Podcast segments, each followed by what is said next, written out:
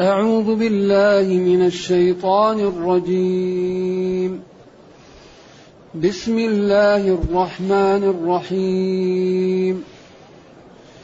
ووهبنا له إسحاق ويعقوب كلا هدينا ونوحا هدينا من قبل ومن ذريته داود وسليمان وأيوب ويوسف وموسى وهارون. وكذلك نجزي المحسنين. وزكريا ويحيى وعيسى وإلياس كل من الصالحين.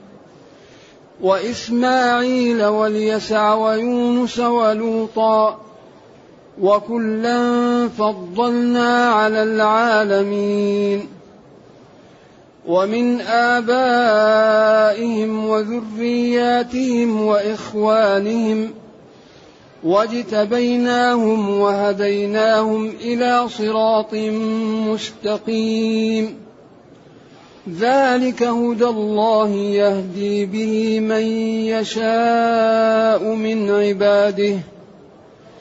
ولو أشركوا لحبط عنهم ما كانوا يعملون.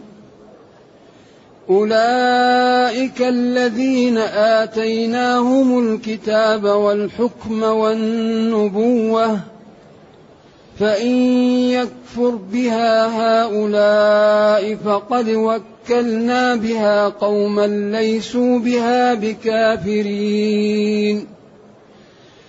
اولئك الذين هدى الله فبهداه مقتده قل لا اسالكم عليه اجرا إن هو إلا ذكرى للعالمين. الحمد لله الذي انزل لنا أشمل الكتاب وارسل لنا أفضل الرسل وجعلنا خير أمة أخرجت للناس. فله الحمد وله الشكر على هذه النعم العظيمة والآلاء الجسيمة. والصلاة والسلام على خير خلق الله وعلى آله وأصحابه ومن اهتدى بهداه. أما بعد فإن هذه المحاجات وهذه البراهين في النهاية هي تقرر وحدانية الله. وعجز الخلق واحتياجهم إلى الله تعالى. وهذا بطرق وأشكال مختلفة. فهذا إبراهيم الله أكرمه واختبره ونجح في الاختبار. قال وإبراهيم الذي وفى. وإذ ابتلى إبراهيم ربه بكلمات فأتمهن. فلذلك بارك له في ذريته وجعله من عباده الصالحين وجعله إماما في المتقين وجعله يقتدى به وأعطاه المكان العالية لأن ربه ابتلاه وهيأ له النجاح في الابتلاءات والاختبارات. وهنا يبين كيف الله أعطى لإبراهيم الحجة وأعطاه قوة البيان وكيف أقام الحجة على قومه في أنه أخذهم بأنهم يعبدون الأصنام رأى الكوكب قال هذا ربي على زعمكم. فلما أفل قال لا أحب الآفلين. فلما رأى القمر بازغا قال هذا ربي على زعمكم. ما في أجمل من القمر. ولا أرفع ولا أنور ولا أحسن. فلما رأى الشمس بازغة قال هذا ربي هذا أكبر مما سبقه. فلما أفلت قال لهم يا قوم إني بريء مما تشركون. هذه الأمور اللي تتغير لا تصلح أن تكون محل العبادة وإنما يكون محل العبادة الدائم القائم. أفمن هو قائم على كل نفس بما كسبت؟ لا تأخذه سنة ولا نوم الصمد. الناس تصمد إليه وتحتاج إليه. يطعم ولا يطعم. كل الناس إليه محتاجون. أما فهو الغني الغنى المطلق. إذا إني أخلصت ديني لله الذي أوجد هذا الكون وما أنا من المشركين ثم جادله قومه وخاصموه. ثم قال لهم أتخاصمونني في وحدانية الله وربي وفقني وقد هدان؟ لا أخاف من الأصنام. وإنما أخاف من الله إذا أراد بي شيئا يفعله. وسع علمه السماوات والأرض. وسع ربي كل شيء علما.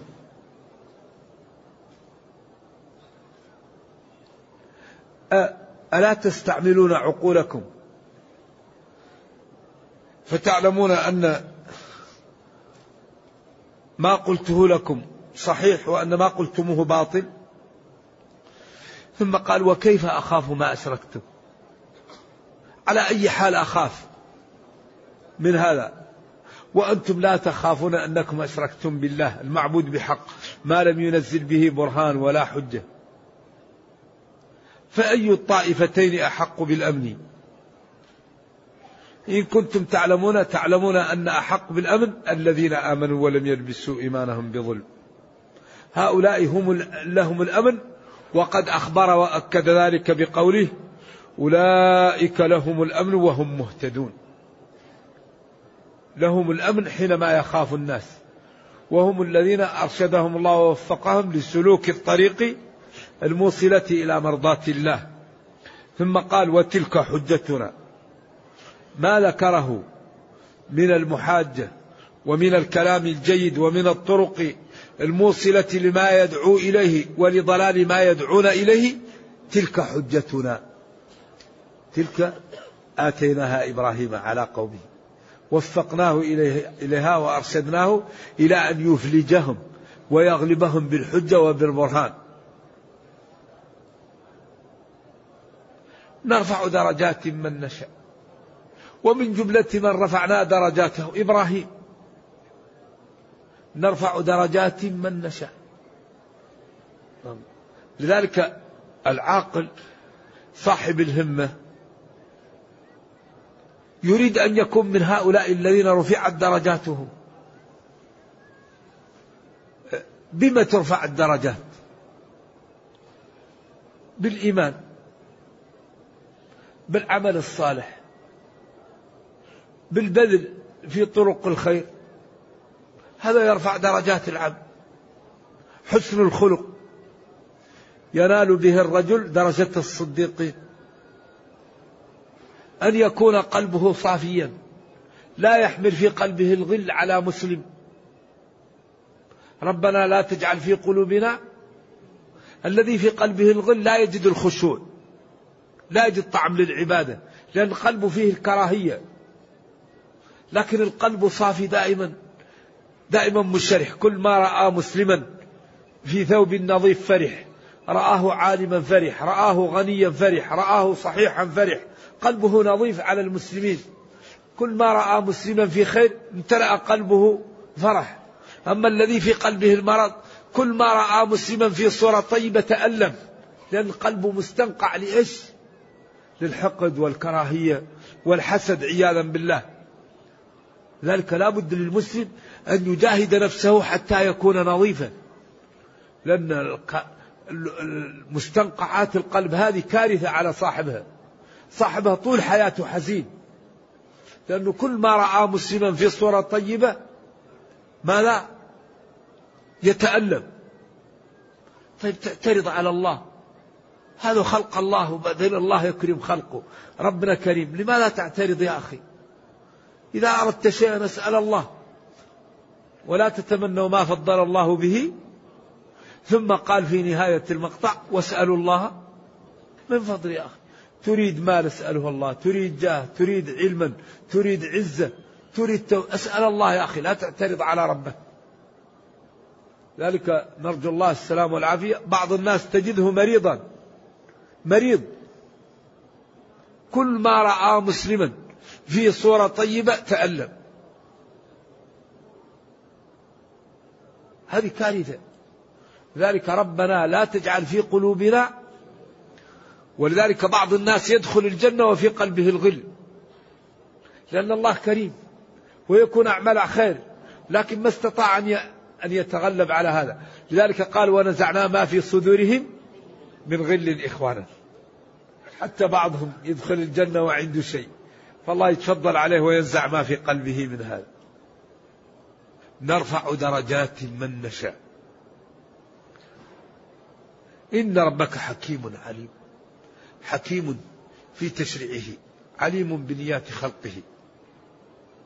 ثم قال ووهبنا له إسحاق. وهبنا أعطينا له لإبراهيم إسحاق. قال العلماء الاستقامة تعطي الولد وتعطي صلاح الولد. هذا إبراهيم لما استقام وكان كبير في السن أعطاه الله الولد وبشره بأن الولد يولد للولد.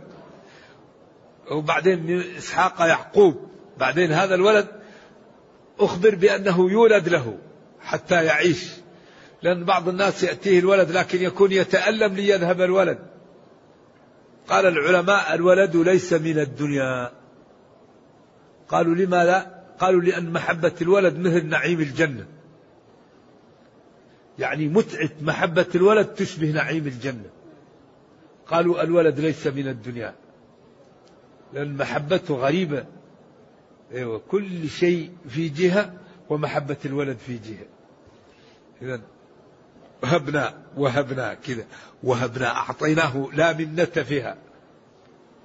إسحاق. ويعقوب من بعده.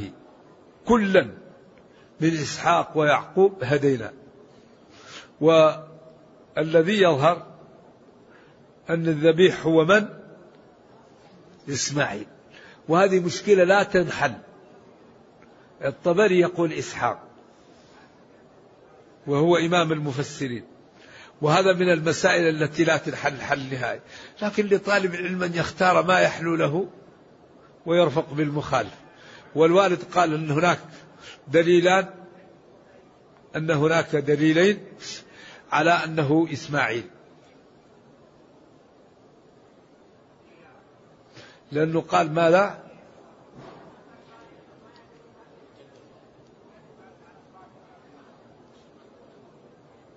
بشرناه بغلام حليم. والثاني ماذا قال؟ أيوة لا.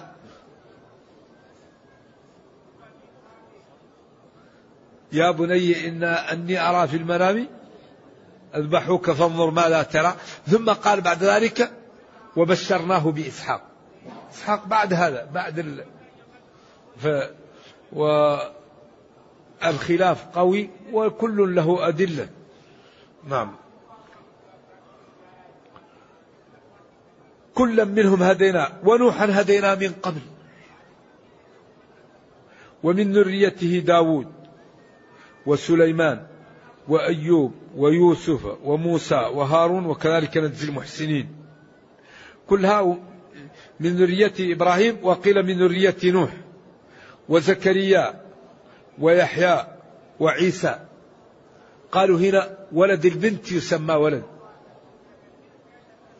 لأن عيسى جده إبراهيم وهو ابن بنت ولد فسموه ابن هنا. ولذلك قال إن ابني هذا سيد في البخاري. يقصد الحسن وسيصلح الله به بنا فئتين عظيمتين من المسلمين. لذلك إذا قال أوقفت على ولدي وولدي ولدي من العلماء من قال يدخل أولاد البنات. أما مالك يقول لا ولد الولد البنت ليس ولدك ولد ناس آخرين. لكن من حيث اللغة هو له ولادة عليه. نعم. لكن العرف يخصص. وزكريا ويحيى وعيسى وإلياس كل من الصالحين. وإسماعيل واليسع ويونس ولوطا وكلا فضلنا على العالمين. لماذا خصص هؤلاء أم بقية الرسل؟ هل لأن لهم علاقة بإبراهيم أغلبهم؟ أو لأن لهم فضلية؟ أو لأن هؤلاء يلزم الإيمان بهم بالتفصيل؟ والباقي يلزم الإيمان بالجملة أقوال.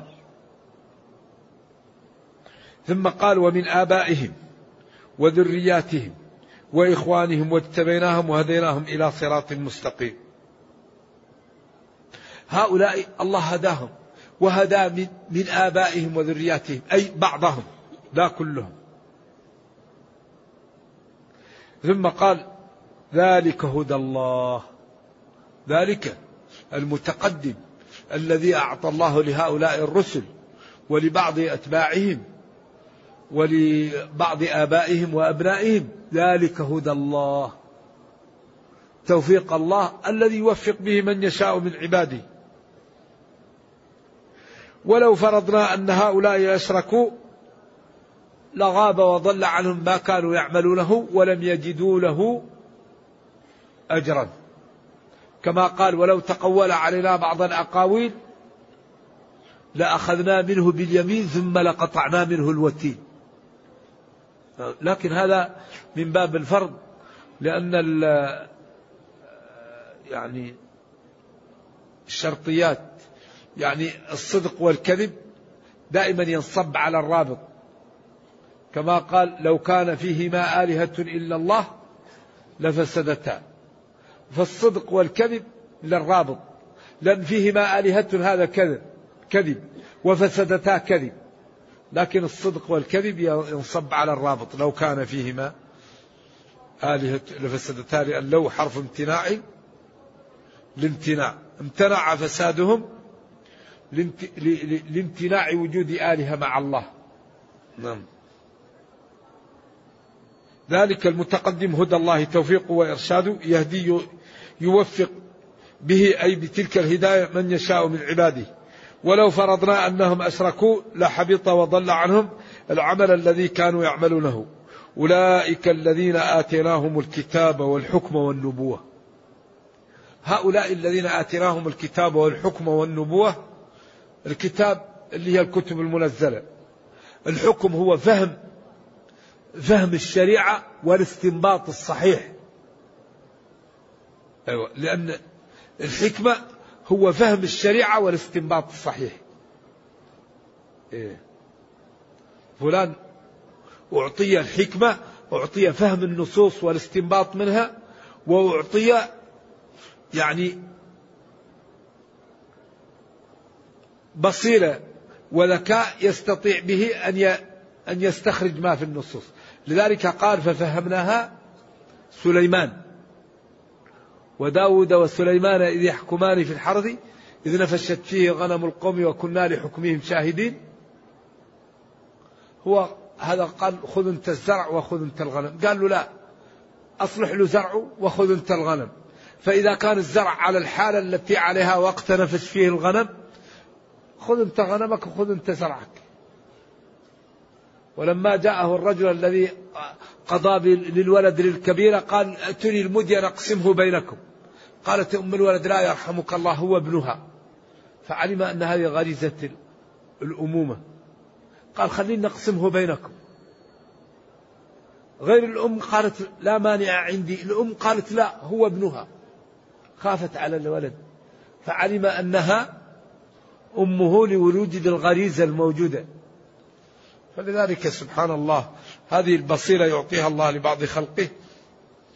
ثم قال ذلك التوفيق والهداية هدى الله يهدي به يوفق به من يشاء من عباده. ولو فرضنا أنهم أشركوا لضل وغاب عنهم ما كانوا يعملون. أولئك الذين آتيناهم الكتاب والحكم والنبوة. أعطينا هؤلاء الكتب المنزلة وأعطيناهم الفهم ونزلنا عليهم السنة أيضا العمل يعمل به. أولئك الذين فإن يكفر بها هؤلاء وهم اليهود والنصارى والكفار العرب. فقد وكلنا بها قوما ليسوا بها بكافرين. الأنبياء والرسل والمهاجرون والأنصار وأتباعهم والمسلمون من الجن والإنس. فإن كفر بها هؤلاء المخاطبون فقد وكلنا وهيأنا لها ناس ووفقناهم وجعلناهم يقومون بشرع الله ليسوا بكافرين بما جاءهم من الله ومن الأنبياء. أولئك الذين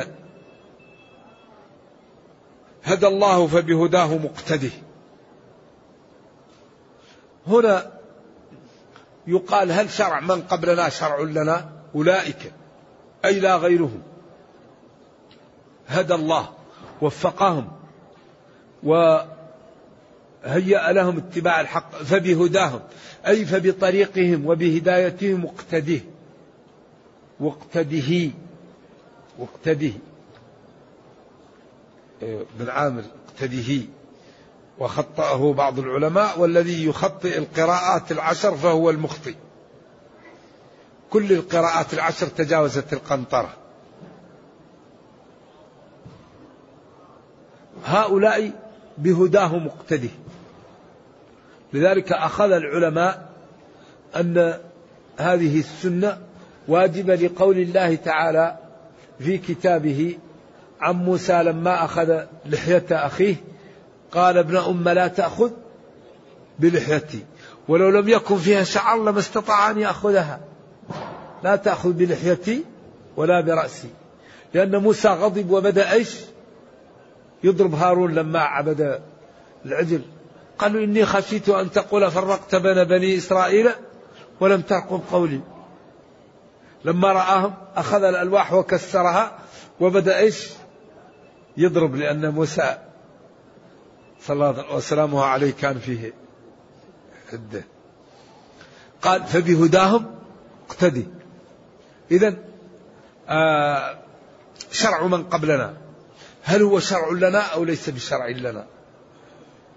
هذا محل الخلاف وهو منقسم إلى ثلاث قسم شرع لنا باتفاق وقسم ليس بشرع لنا باتفاق وقسم ورد في كتابنا.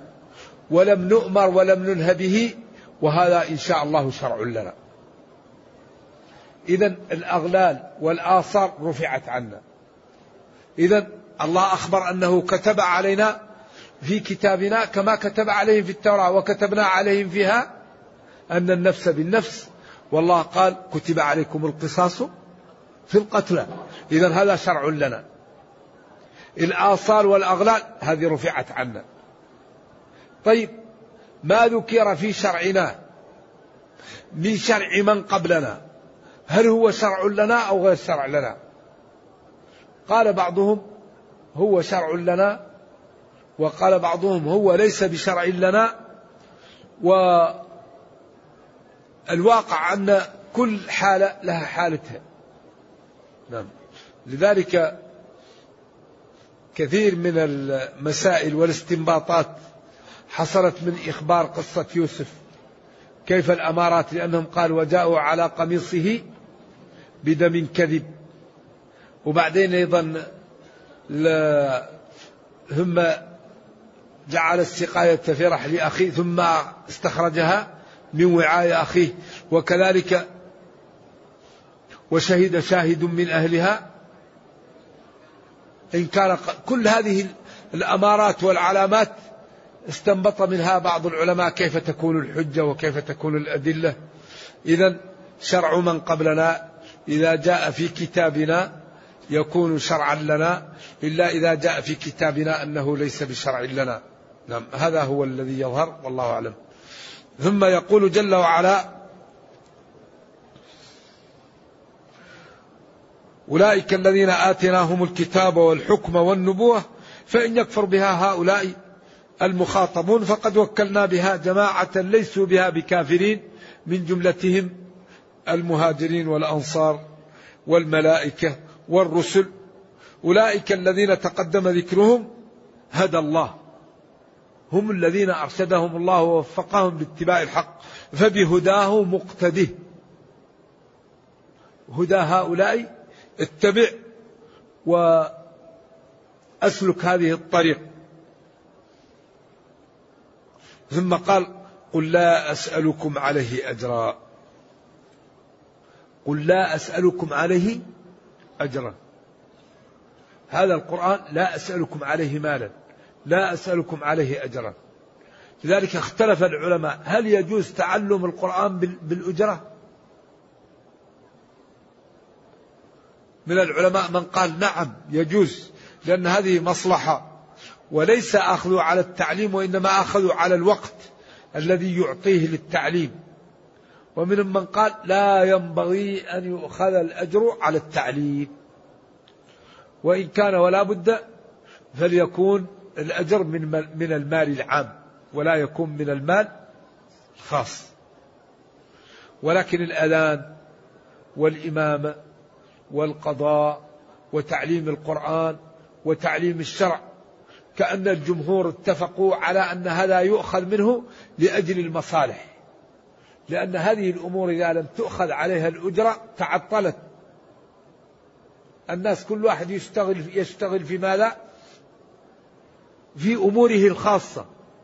فإن لم يهيأ بعض الناس ليقوموا بهذه الأمور ويسدوا حاجتهم فسدت مصالح الناس.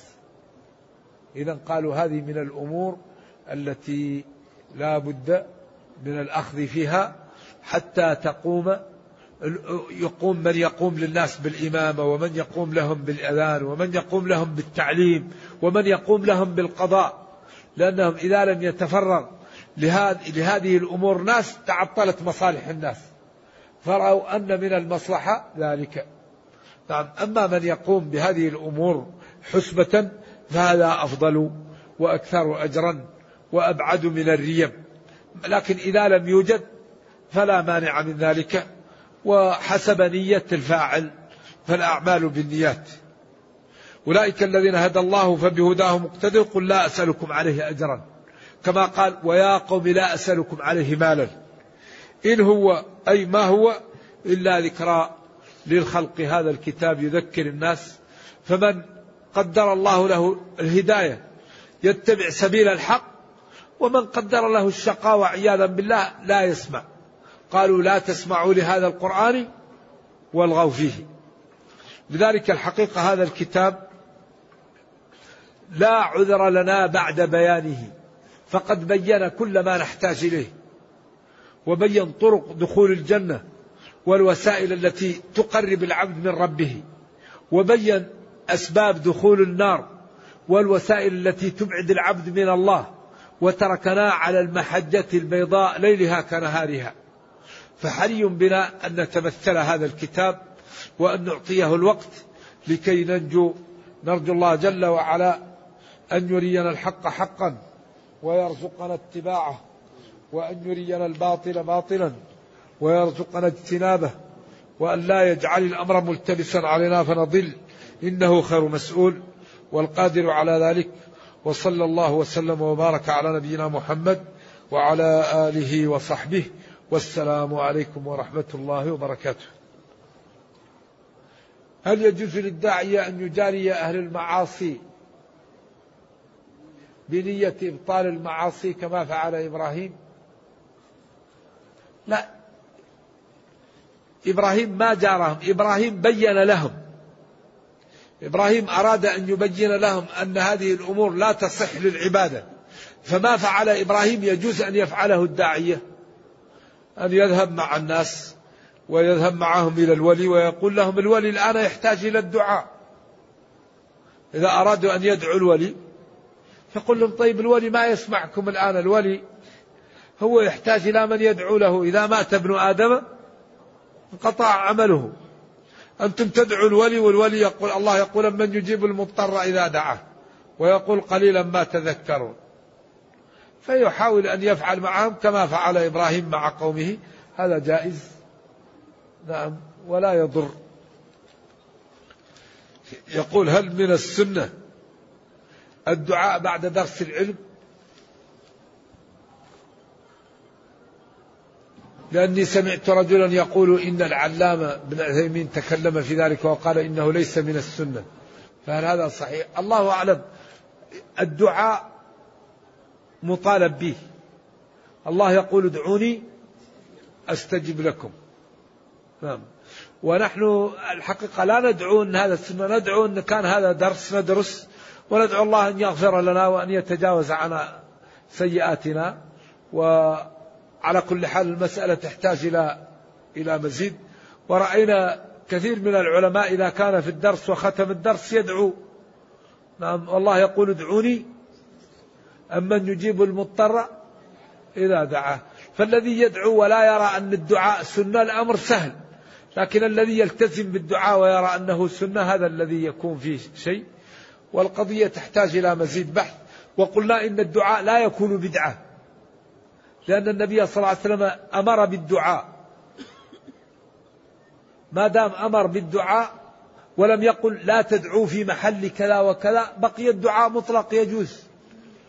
والبدعة هي إحداث شيء في الدين على غير مثال سابق. فما دام الله قال ادعوني أستجب لكم. وقال أجيب دعوة الداعي إذا دعاني فليستجيبوا لي. وقال من يجيب المضطر إذا دعاه؟ ونبينا قال إذا سألت فاسأل الله. ما قال في وقت كذا أو كذا. أو ادعوني أستجب لكم إلا في بعد الدرس فلا تدعوني. فالدعاء مطلق الأمر فيه سهل. والقضية تحتاج إلى مزيد بحث. يقول كيف أجعل قلبي نظيفا من الغل والحسد والحقد؟ أولا تحاول أن تحقق أن النبي صلى الله عليه وسلم ورد عنه في الصحيحين لا يؤمن أحدكم حتى يحب لأخيه. وفي صحيح مسلم عن أنس والله لا يؤمن أحدكم حتى يحب لأخيه.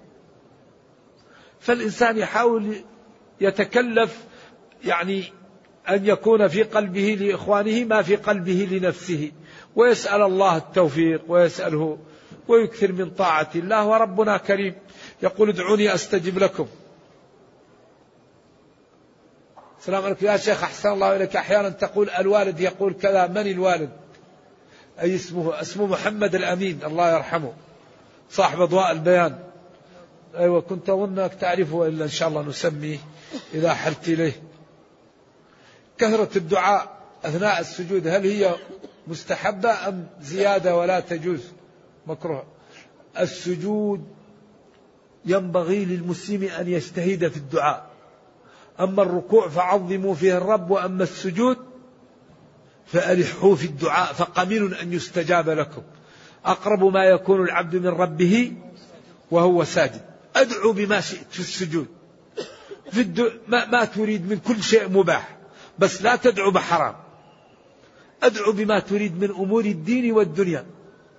ولكن صاحب الهمة العالية يقدم الآخرة على الدنيا. نعم. هذا سؤال طويل عريض يقول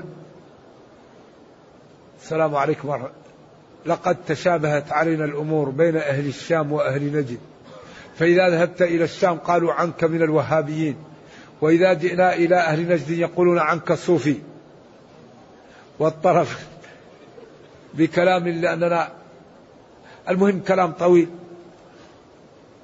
المهم أن نحن نبينا ماذا قال لنا؟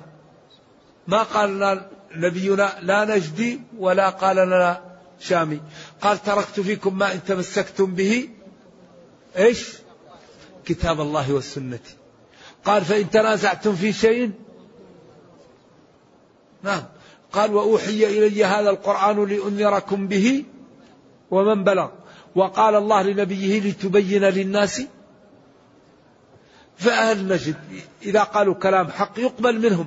وأهل الشام إذا قالوا كلام حق يقبل منهم. وأهل نجد إذا قالوا كلام خطأ يرد عليهم.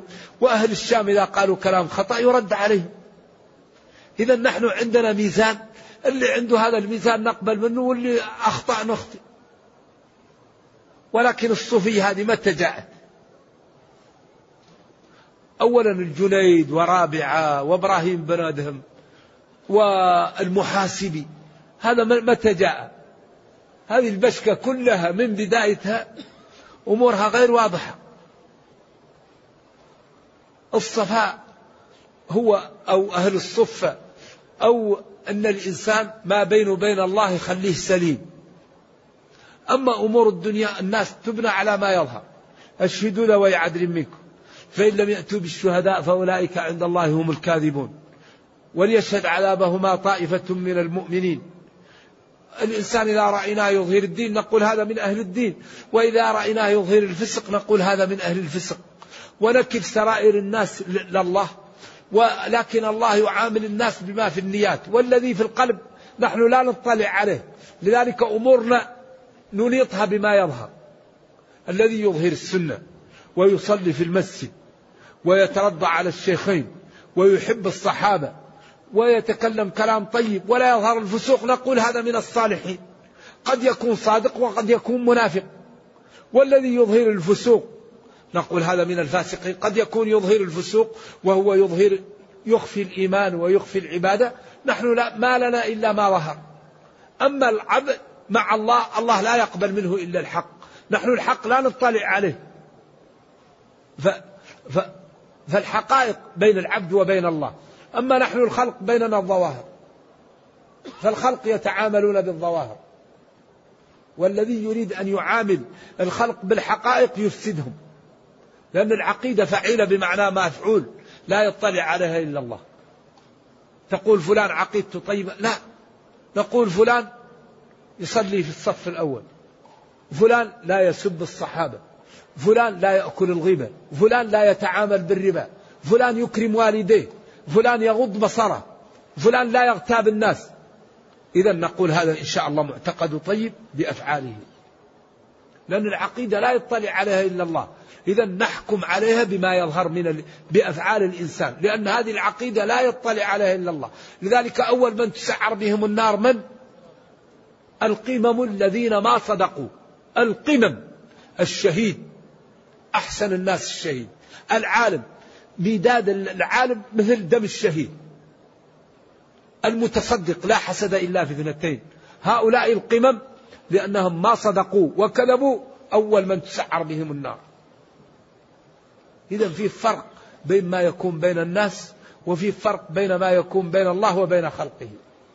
فالله يعامل الناس بيش بالقلوب. يختم عليه. نافق كفر أخلص. أما نحن فالحقائق ما نعلمها وإنما نتعامل بالظاهر. الذي يظهر الحق نقبله منه ونكل سريرته إلى الله. والذي يظهر الباطل نرده ونكل سريرته إلى الله. هذا الذي ينضبط. لذلك إذا أردنا أن نعمل بالحقائق نفسد الناس. ولذا الله نهى عن عن؟ عن التجسس وعن التحسس. ونهى عن أن تحاول تطلع على سرائر من لا يريد. لا تدخلوا بيوتا غير بيوتكم. تستأنسوا. السلام عليكم. أدخل تدق الباب. وإن قيل لكم ارجعوا هو بعض الصحابة كان يتمنى أن يقال له ارجع ليعمل بالآية. الآن لو تقول لواحد ارجع يا لطيف. والله تكون أكبر فتنة. كيف يطردني؟ طيب يا أخي الله قال لك وإن قيل لكم ارجعوا.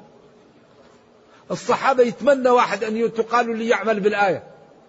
نحن الآن لو واحد يقولها الواحد كيف يكون؟ ما ما نستشعر أن هذا هذا الدين ينبغي نعمل بجزئياته. إذا لا أي ناس قبلوا الحق يقبل منهم. أي إنسان عمل الخطأ يرد منهم. لا تحقرن الرأي. وهو موافق. حكم الصواب إذا أتى من ناقص. فالدر وهو أعز شيء يقتنى. ما حط قيمته هوان الغائص نقبل الحق ممن قاله ونرفض الخطأ ممن قاله. وعندنا ميزان. عندنا ميزان كتاب الله والسنة. تركت فيكم ما إن تمسكتم به لن تضلوا بعدي كتاب الله والسنة. ونزلنا عليك الكتاب تبيانا لكل شيء. ما فرطنا في الكتاب من شيء. أولم يكفيهم أنا أنزلنا عليك الكتاب يتلى عليه فأجله حتى يسمع كلام الله. ألا إني أوتيت القرآن ومثله معه. لتبين للناس ما نزل إليه. وقلنا إن الخلاف منقسم بالاستقراء إلى أربع أقسام. عندك دليل عندي دليل ما في مشكلة. ما عندك دليل ما عندي دليل ما في مشكلة. عندي دليل ما عندك دليل تكون معي. عندك دليل ما عندي دليل نكون معك. إذا القسمة إيش؟ رباعية. عندك دليل عندي دليل كله سهل. الذي بيده عقدة النكاح الولي الزوج كله صحيح. ثلاثة قروء أطهار حيض؟ كله صحيح. ومتعوهن على المسع قدره للسنة المؤكدة أو للوجوب كله صحيح. لكن الرحمن على العرش استوى استوى استولى. ما مستندك على هذا.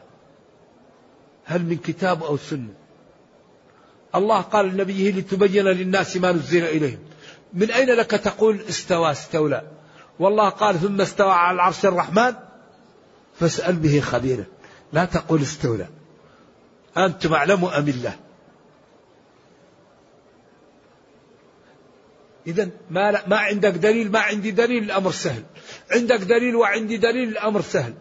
عندك دليل ما عندي دليل نكون معك. عندي دليل ما عندك دليل تكون معي. واضح؟ أما الذي يخطئ وهو لا يتعمد مغفور له. كلكم خطاؤون وخير الخطائين التوابون. من يسلم من الخطأ؟ لا يسلم من الخطأ إلا من لا يتكلم. يقال أحد الفقهاء قال كل الناس تخطئ في القرآن إلا جاريتي هذه. قالوا ولم جاريتك لا تخطئ في القرآن؟ قال لأنها لا تقرأه. لو قرأته لأخطأت نعم. إذا الذي لا يخطئ هو الذي لا يتكلم في العلم. أما الذي يتكلم في العلم يخطئ لكن إذا إذا بان له الحق يقبله. لذلك تجد كل واحد من الأئمة له قول راجح والثاني له قول راجح والثالث له قول مرجوح واليوم يقول قول ويرجع عنه لأن هؤلاء ما لهم غرض. فنحن نكون غرضنا ما جاء عن الله. فإذا لم نجد حديث ووجدناه صحيح نعمل به. فهمنا الآية خطأ وبين لنا أن فهمنا خطأ نرجع عنه.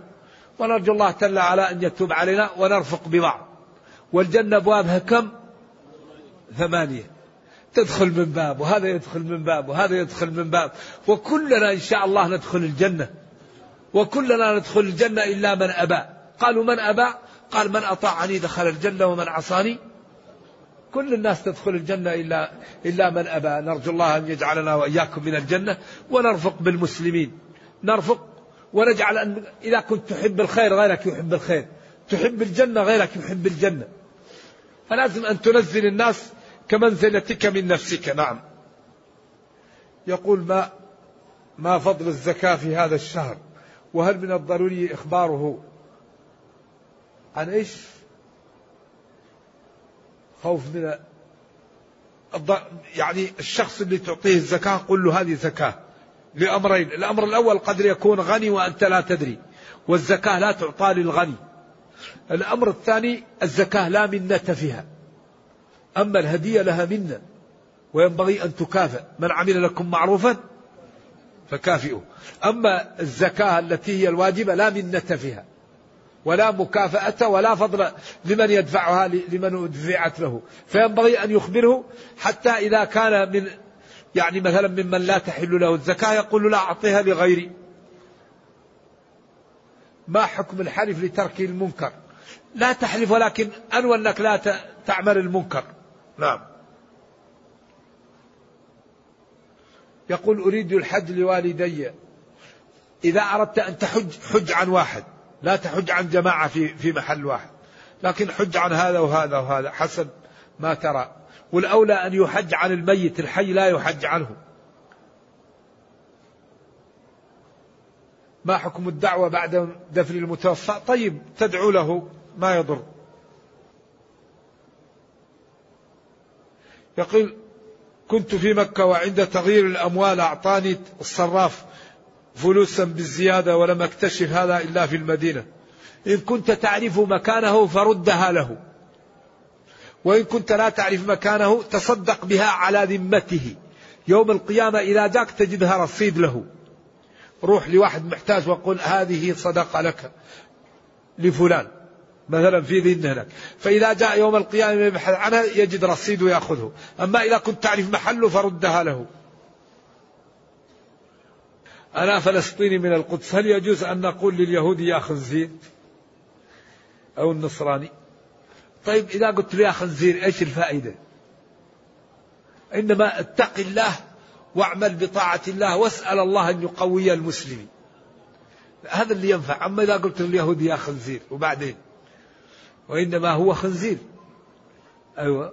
إخوان القردة والخنازير. قالوا يا أبا القاسم.